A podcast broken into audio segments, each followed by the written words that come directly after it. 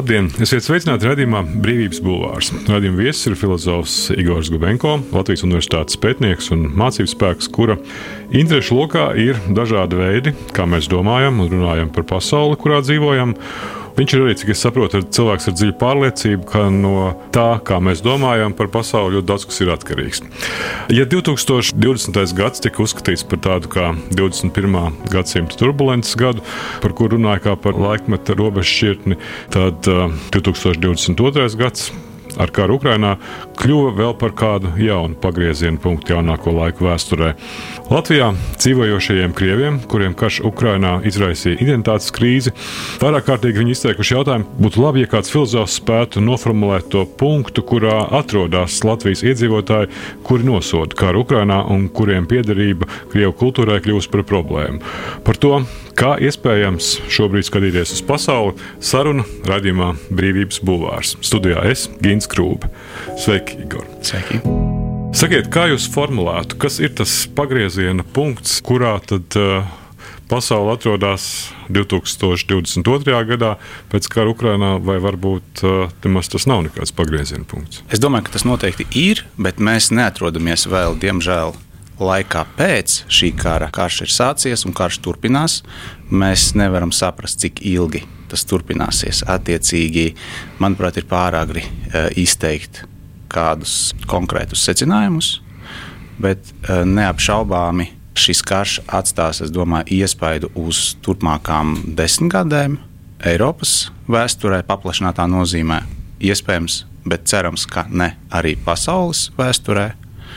Un es domāju, ka mums tiešām ir jābūt gataviem uh, visa veida nepatīkamām sekām, gan ekonomiskām, jā, gan, protams, arī nu, kultūrālām, kuras, es domāju, šīs kultūrālās sekas un, un blakus efekti Latvijā, Baltijā, Austrumēropā mēs tās izjūtam visasāk. Bet jūs nesen iebildāt Latvijas teātris režisoram Alvim Hermanim, kurš apgalvoja, tas, ko, ko mēs šobrīd novērojam, ir tāds, nu, citējot Huntingtonu civilizāciju karš, jo Alvis domāja, ka civilizācija karš no vienas puses ir Krievija pret uh, rietumiem. Jūs domājāt, ka tā gluži nav? Es iebildu konkrēti savā Facebook ierakstā, iebildu idejai par to, ka Krievi ir kādas citas civilizācijas pārstāvi, radikāli citādi, no kuriem nevar sagaidīt, ka viņi mainīsies principā, nu, kā uh, režisors rakstīja, tā ir lieka laika tērēšana. Attiecīgi, secinājumus par to, kā būtu jārīkojas tieši kara kontekstā, tieši uz secinājumus es neatceros, ka viņš būtu ietvēris savā garajā ierakstā, kuram bija ļoti daudzi tīkšķi, uh, un to starp arī nu, visnotaļ uh, teiksim, tā, no, no sabiedrībā respektēt cilvēku puses. Uh, bet es domāju, ka ņemot vērā kontekstu, ņemot vērā to, ka uh, Rietumē Eiropā varbūt uh, atbalsts Ukrainai šai karā vairs nav teiksim, nu, atbalsts ir pašsaprotams, bet šī atbalsta intensitāte vairs nav pašsaprotama. Pamazām rietumu pasaules līderi sāk varbūt zaudēt kaut kādu ticību tam, ka Ukraina var tiešām tā pārliecinoši uzvarēt šo karu tuvākajā laikā. Es domāju, no Hermaņa puses eh, vēstījums bija, ka noteikti ir visiem spēkiem jāatbalsta Ukraina. Ja, un nekāda piekāpšanās Putina agresīvajam, noziedzīgam režīmam šajā ziņā nav pieļaujama. Bet atgriežoties pie jautājuma. Jūs nedomājat, ka Krievijai ir kaut kāds īpašais ceļš? Es domāju, ka, protams, ka Krievijai, kā jau uh, daudzām valstīm, ir savs īpašs vēsturisks ceļš, kas arī iespaido šo valstu nākotnes izredzes. Jā, tad, tad tas, kas ir bijis iepriekš, tā vēstures gaita, kas ir bijusi, noteiktā veidā ierobežo to iespēju izvēļu koridoru, laikam, ko Eh, šīs valstis un to līderi spēj pieņemt šodien. Bet es esmu eh, kategoriski pret tādu fatālistisku uzskatu, ka Krievi būtu kāda radikāli atšķirīga civilizācija, ar kuru nu, nav iespējams nekādā veidā nec sarunāties, droši vien, nec arī pieprasīt, kas ir būtiski, kādu atbildību eh, tādos nu, tiesiskos terminos, kādi ir Eiropas civilizācijai saistoši. Man šķiet, ka šis otrais aspekts ir tieši būtisks. Ja mēs uh, padarām kādu par īpašu, tad viņš arī ir dīvains un paliek dīvains. Tieši tā, un, un tas ir tas vēstījums, kas man likās ļoti problemātisks. Cita starpā tāpēc, ka, nu, piedošanu, Latvijā arī dzīvo daudz krievu un krievalodīgu cilvēku, kuriem piederu arī es. Un šāda veida retorika man šķiet arī mūsu valstī, mūsu sabiedrībā, aktuālajā brīdī nav nu, tā veiksmīgākā. Kad es teicu, ka ka ar krieviem tomēr ir jāsarunājas. Skaidrs, ka ir ļoti grūti to darīt, eh, sekojot līdzi notikumiem Ukrajinā. Un ticiet man, visgrūtāk iespējams ir tieši tiem krieviem un krievalodīgiem, kuri nosoda šo karu un kuri ir tagad tādā ļoti nu, sarežģītā situācijā nonākuši. Bet Protams, kur ir tā sarežģītā? Nu, to rakstīja arī nezinu, Olga Draga jau ir intervijā par to savulaik runāja, par to, ka tā ir problēma šobrīd.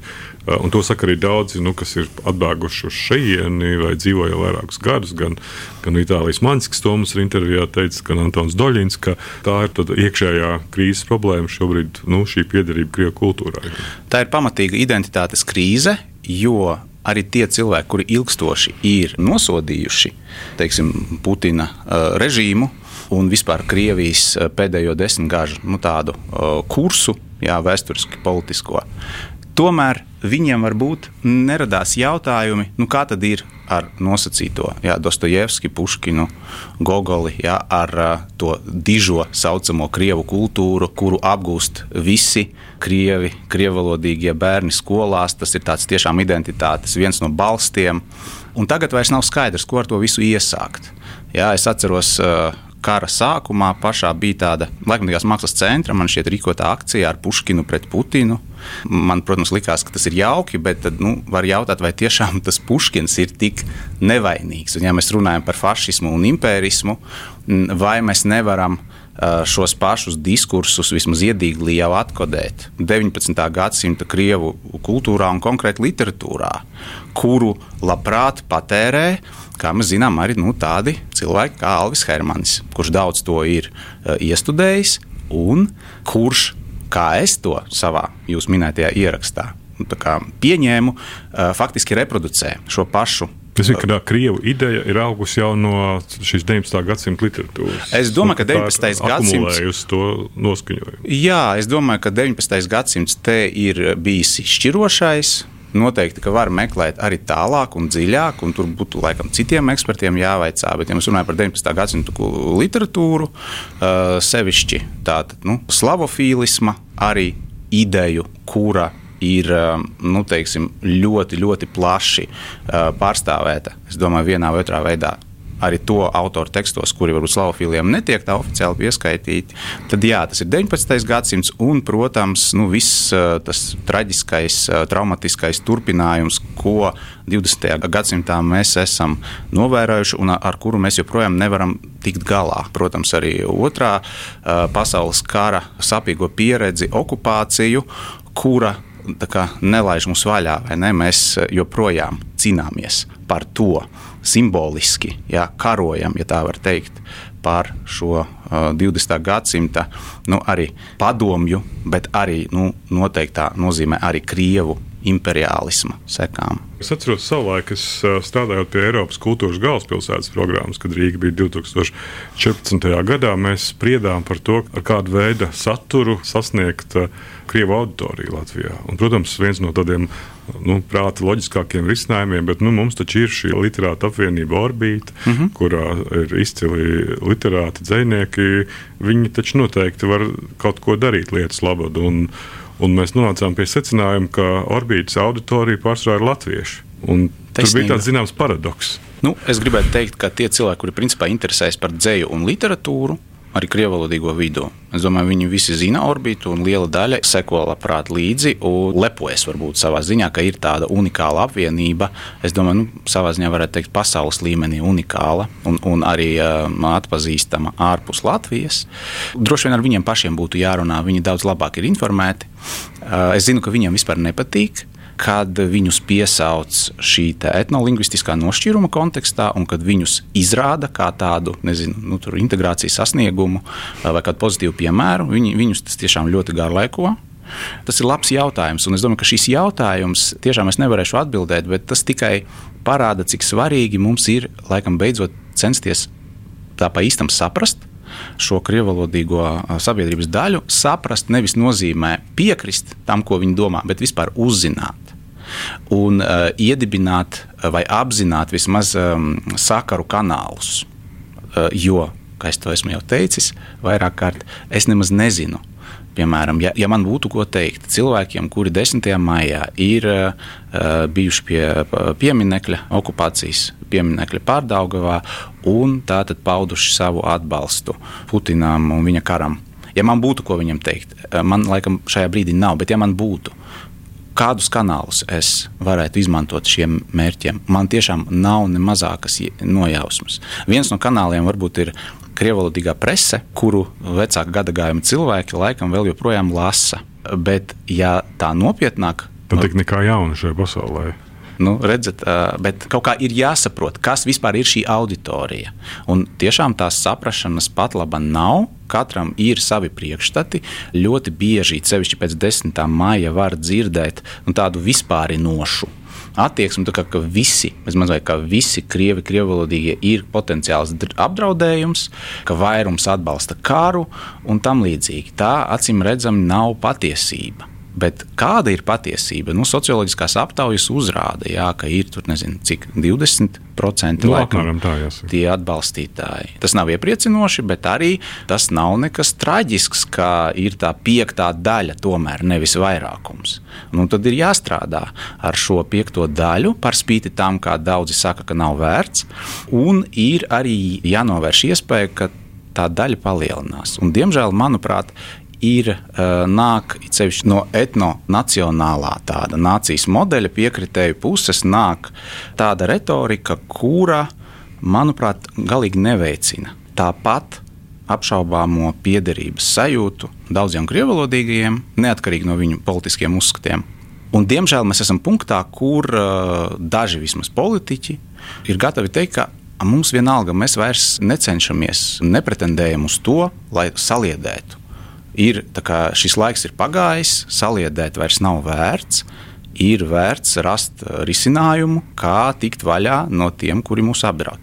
Tas, protams, ir ļoti, ļoti bēdīgi. Patriarchālā sabiedrībā vēsturi veido vīrieši. Tāpēc pieminēšu vienu cilvēku, manu vecstāvu, Vadimu Gubenko, no kura es esmu mantojis savu uzvārdu. Viņa personas lieta, ko analizējas VDK Zinātniskās izpētes komisija, liecina, ka no 44. līdz 66. gadam viņš strādāja Čekā. Vai darbu šajā iestādē vai Staļina dzīves laikā iespējams apvienot ar totalitāru režīmu neatzīšanu, diemžēl vēlmi domāšanai šeit neatliek cerības. Man vienkārši tas jāpieņem, jādzīvo un jāsadzīvo ar apziņu, ka attālums starp mani un 20. gadsimta baisāko represīvo mašīnu mērāms pat ne rokas spiedienos, bet atmiņā kopš bērnības iekaltos mīļvārdos, smaidos un pieskārienos Es, protams, esmu zinājis šo vecā biogrāfijas faktu, kopš sevi atceros, lai gan līdz pašai viņa nāvei 2003. gadā tā arī nepagūta to ar viņu izrunāt. Tā savā rakstā Satorī savulaik rakstīja filozofs Igors Gubenko. No šī viedokļa man šķiet, ka mana balss ir vērtīga ar to, ka es esmu piemērs tam lūk, krievalodīgam cilvēkam, kuram rūp, lai Latvijā visiem būtu labi un apzinoties to faktu, ka mēs šeit esam dažādi. Šī valsts nav valsts, kurā dzīvo tikai latvieši. Tad, attiecīgi, mums ir nu, kaut kāds secinājums praktiski no tā jāizdara un jāizvairās no perspektīvas, ka tie mūsu sabiedrības locekļi, kuri nevar pieslēgties šim, piemēram, Latvijas latviešiem diskursam, ka viņi tomēr šeit arī jūtas nu, kaut kā savā mājās piedošanu. Tas ir svarīgi, jo citādi kas tad viņam atliek? Ir cilvēki, es zinu, Tādi ir arī daži mani, arī bijušie draugi un kolēģi tagadējie, kuri uzskata, ka vajag beidzot atrisināt šo jautājumu. Arī tādos terminos Twitterī var redzēt, ka gali, jau galīgo kaut kādu risinājumu piesauc. Nu, un attiecīgi šo padomju noziegumu, okupācijas varas noziegumu, novērst tās sekas. Nu, attiecīgi, runājot mm. par dekolonizāciju. Tagad uh, tiešām karš, un it sevišķi, es domāju, 9. un 10. maija notikumi ir pavēruši vaļā kā to lādi, ka tagad nu, visi, jebkāda veida iniciatīvas taču ir leģitīmas, vismaz pieņemamas izskatīšanai. Cita starpā par eh, pilsonības atņemšanu, izraidīšanu. Un no šī viedokļa arī nu, es sagaidu, ka man vienmēr atradīsies cilvēki, tostarp intelektuāļi, kuri man iebildīs, ka nu, jā, nu, lūk, šis ir tas ir risinājums. Jā, mums nevajag te nekādu politisko nāciju kopt un veidot. Jūs arī šajā rakstā, ko es minēju, Satorī rakstījāt, ka sabiedrībai, kuras vēsturē piemīt liels šķeļošs potenciāls, Jūs gan arī pieminat, ka kāda ir katra sabiedrība, gandrīz vai ka jāveicina pagātnes narratīvu un atmiņas diskursu daudzveidība. Jā. Kā to saprast? Mums būtu jāpieņem, ka mēs katrs šos pagātnes notikumus interpretējam pa savam un jādzīvo tālāk. Jā, es domāju, ka tas ļoti sarežģīts jautājums. Varbūt ir jārunā par tādu pārejas posmu, kaut kādu plurālismu. Skaidrs, ka cerēt, ka visi tie cilvēki, kuriem nu, teiksim, otrā pasaules kara piemiņa, upuru piemiņa un nu, arī, būsim atklāti, uzvaras piemiņa. Ir svarīga, ka nenotiks tā, ka teiksim, tagad nojauksim pieminiekli, jā, un viņam zudīs šī vajadzība pieminēt šo karu. Tā tas nenotiks. Bet varbūt, varbūt mēs varam meklēt kaut kādus modeļus, kā ir iespējams ekstraktēt piemēram, no šīs otrā pasaules kara piemiņas nu, tos elementus, kuri tomēr ir mums visiem, kā Eiropiešiem, pieņemami. Es saprotu, ka tāda vārdkopa kā uzvara pār nacismu nu, aktuālajos apstākļos nu, galīgi neskan. Mēs saprotam iemeslu dēļ, jā, jo nacismā šīs apzīmētais ir eh, ļoti bezskaunīgi, bezskaunīgi apropriēts jā, un instrumentalizēts. Bet tāpat nu, mums taču, kā Eiropiešiem, mums ir svarīgi, jā, ka šī uzvara notika. Un skaidrs, ka tā nebija tikai Padomju Savienības uzvara. Jā, pēc šīs uzvaras notika padomju reokupācija, kura nodarīja pāri ļoti daudziem Latvijas iedzīvotājiem, ļoti smagi nodarīja pāri.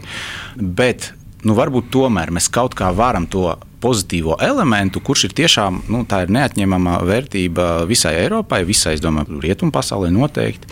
Varbūt mēs to kaut kādā reducētā no putinisma ideoloģijas attīrītā veidā, tomēr varbūt mēs spējam tam rast kādu vietu arī mūsu Latvijas. Uh, atmiņu ainā. Un es domāju, ka tā vieta jau principā pastāv 8. maijā, taču piemin kara beigu datumu un notikuši jau iepriekš mēģinājumi arī nu, visus eh, pārdaugavas pieminekļu pielūdzējus kaut kā pārorientēt uz to 8. maiju. Tas nebūs viegli, bet tomēr es domāju, ka zināma tāda nu, daudzbalsība uh, ir pieļaujama noteikti.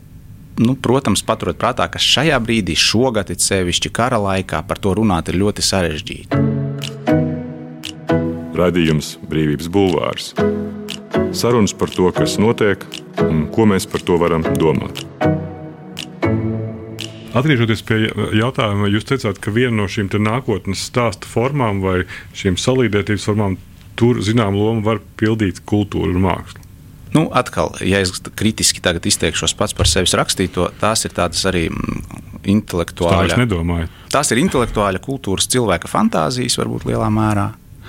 Protams, mākslai ir liela nozīme, bet māksla pamatā tomēr, ja mēs runājam par, par tādu elitāru mākslu, nevis populāro kultūru, un skaidrs, ka tā iedarbojas uz elitēm arī tiešām uz šauru bet varbūt nozīmīgu sabiedrības daļu. Un tas arī ir svarīgi, jo māksla iespaido tos cilvēkus, kuri pieņem lēmumus, kuriem ir, kuru balsī ir spēks un tā, bet no plašākas tādas sociālās perspektīvas es nebrīnītos, izrādītos, ka sportisti varētu vairāk iedarboties nekā mākslinieki. Vienkārši tāpēc, ka viņi ir daudz atpazīstamāki un, attiecīgi, tas, ko viņi saka, sasniedz vairākas ausis. Viens no veidiem savulaik, kā pētīja piemēram Austrumvācijas mākslu, bija tieši kultūra un literatūra. Jo socioloģija nebija pieejama, un tad analizēja un lasīja to, ko raksta literatūrā, tos zemtekstus, tos uh, dažāda veida apslēptas uh, zīmes un vēstījumus, kas tad arī tika uzskatīts par tādu sabiedrības kopīgo noskaņojumu. Ja jūs skatāties dažādas mākslas formas šobrīd nu, Latvijā vai literatūrā, kas ir tas? Vēstījums, ja mēs izmantotu socioloģijas pētīšanas metodi, kā to darīja savulaik pētot Austrumvācijas mākslu. Es vairāk sekoju līdzi vizuālās mākslas norisēm šajā brīdī, un tur pavisam noteikti tāds zināms apolitiskums ļoti krīt acīs. Jā, mums eh, ir ļoti maz kritiskās mākslas, tādas mākslas, kura uzdrošinātos kritiski izteikties par politiski uzlādētiem jautājumiem. Ja ir, Un kas tam būtu iemesls?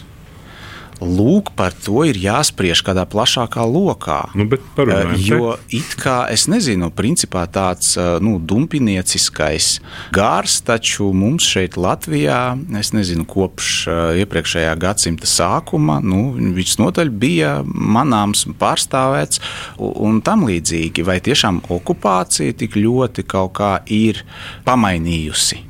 Varbūt tiešām tā laime, prieks eh, par savas valsts atgūšanu ir eh, arī novedusi pie tā, ka mēs neuzskatām par iespējamu kritiskus vēstījumus veidot par savu valsti.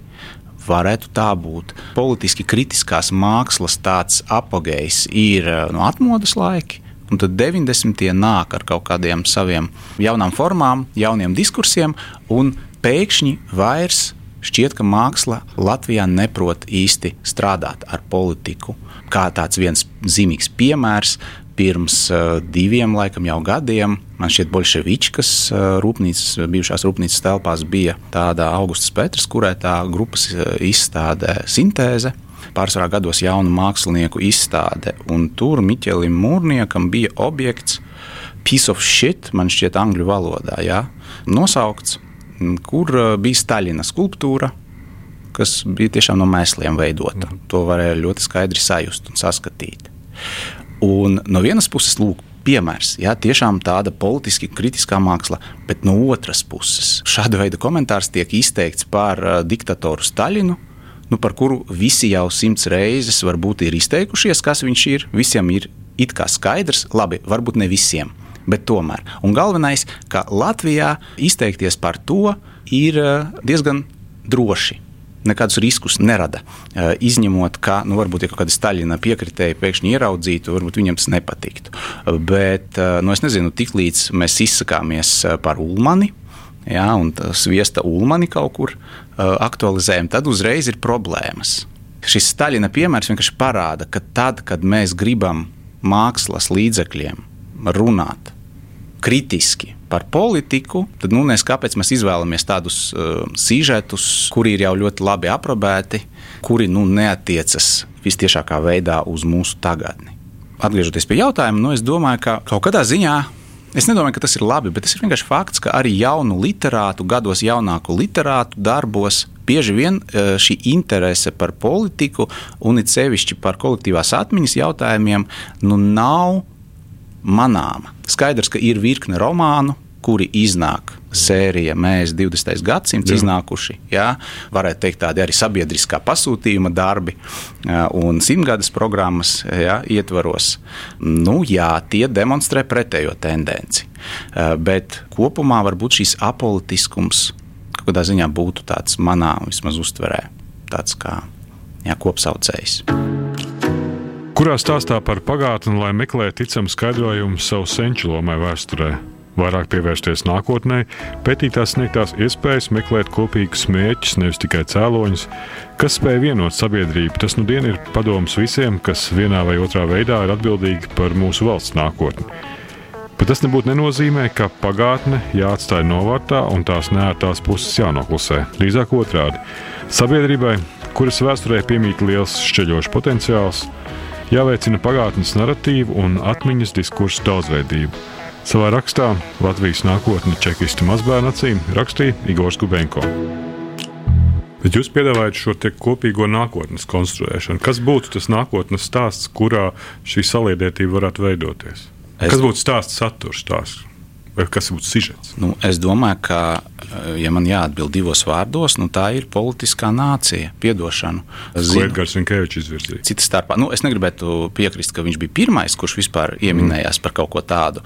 Vai varbūt tā vārdkopa līdz šim netika aktualizēta, bet pati ideja, ka piederība Latvijai, ka tas nav obligāti etniskās piederības jautājums, bet ka šai piederībai ir jābūt atvērtākai, ka tas ir vērtību jautājums, tā ideja nav jauna. Un kā es arī nebeidzu atgādināt, arī mūsu satversmē.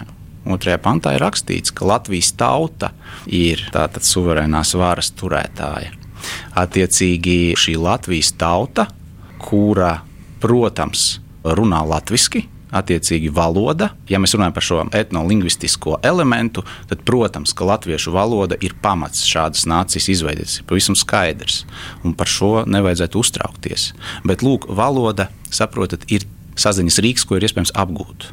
Varbūt arī dažādi mums ir veicies ar latviešu valodas apgūšanu, krievalodīgo vidū. Bet tomēr, ja cilvēki ir motivēti piedalīties, viņi var. Ja tiek izvirzīts šis etniskais kritērijs, tad skaidrs, ka automātiski tiek daļa izslēgta. Viņiem tiek paziņots, ka nu, šī valsts nav jūsu valsts. Bet ko tad var sagaidīt? Kāpēc viņiem vispār tiešām jāiesaistās labas, veiksmīgas nākotnes veicināšanā? Nu, tā tad politiskā nācija, kur tiešām visi cilvēki, neatkarīgi no savas piedarības, balstoties latviešu valodā, izmantojot latviešu valodu kā vienīgo valsts valodu un līdzdalot šajās vērtībās, kas mums ir kopīgas ar Eiropu, Eiropas civilizāciju, ja gribat, ja nevis Krievijas civilizāciju ar, tās autoritāro un arī naidā bieži vien balstīto izturēšanu pret dažādu veidu minoritātēm, tad uz šiem pamatiem mēs varētu kaut ko censties kopīgi veidot. Te jāsaka, ka vienīgais laikam pamats, uz kura krievalodīgos var mēģināt tiešām integrēt, saliedēt sabiedrībā, nu, tās ir drīzāk, es teiktu, tādas liberāli progresīvas vērtības, nevis, nevis konservatīvi nacionālas. Tas ir vienkārši fakts. Runājot par karu un vizualizāciju, atgriežoties pie tā jūsu pētījuma tēmas, mēs redzam, ka mūsdienu kara fotogrāfus nu, papildina dažādas sociālo mēdīju ziņas, kas mūs sasniedz uzreiz, momentā, bez laika nobīdnes. Tur karš tiek tik fotografēts, man liekas, ar telefoniem tā kā nekad.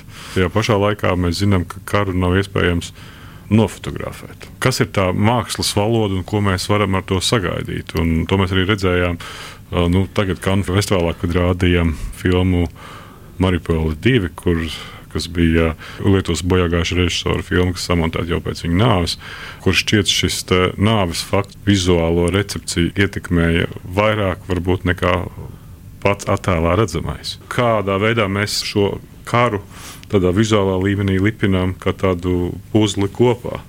Es domāju, arī skatoties pagātnē, mākslas vēsturē, nu, laikam karš, tiešām kara šausmas un tā nāve ko tas nes, nu, tas ir neattēlojamais. Un, uh, varbūt tiešām eksperimenti ar neattēlojamo uh, varētu būt tas virziens, kurā būtu jādodas, ja mēs gribam kādu aptverošāku ainu sniegt. Es domāju, ka mums ir jāpagaida vienkārši, ja mēs runājam arī tādā uh, drīzāk mākslas griezumā, mums ir jāpagaida, kamēr kādi ļoti spēcīgi mākslinieciski vēstījumi taps par šo kāru jau postfaktum. Bet jūs domājat, tam ir vajadzīgs laiks? Es domāju, ka zināma distance laikam būtu vajadzīga. No otras puses, varbūt mēs vienkārši nezinām. Varbūt darbs pie tā jau notiek. Katrā ziņā eh, mēs esam pieraduši, ka kaut kā karš ir kļuvis par ikdienu Par laimi, protams, tas fiziski nenotiek uh, domāju, pie mums. Ukrainas konkrētais, Ukrainas karš. konkrētais karš ir vismaz tajā virtuālajā ziņu plūsmā kļuvis par ikdienu, un arī šie šausmu skati arī ir kļuvuši par mūsu ikdienu. Bet tāpat laikā, protams, šīs šausmas sniedzas pāri vispār cilvēka vizuālās uztveres iespējām, un tāpēc es domāju, ka kaut kā priekšmetiski attēlot šo visu nav iespējams.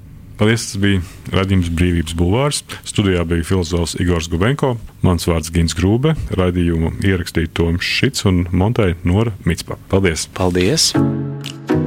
Brīvība ir brīvība, nevienlīdzība vai taisnīgums, vai kultūra vai cilvēks laime.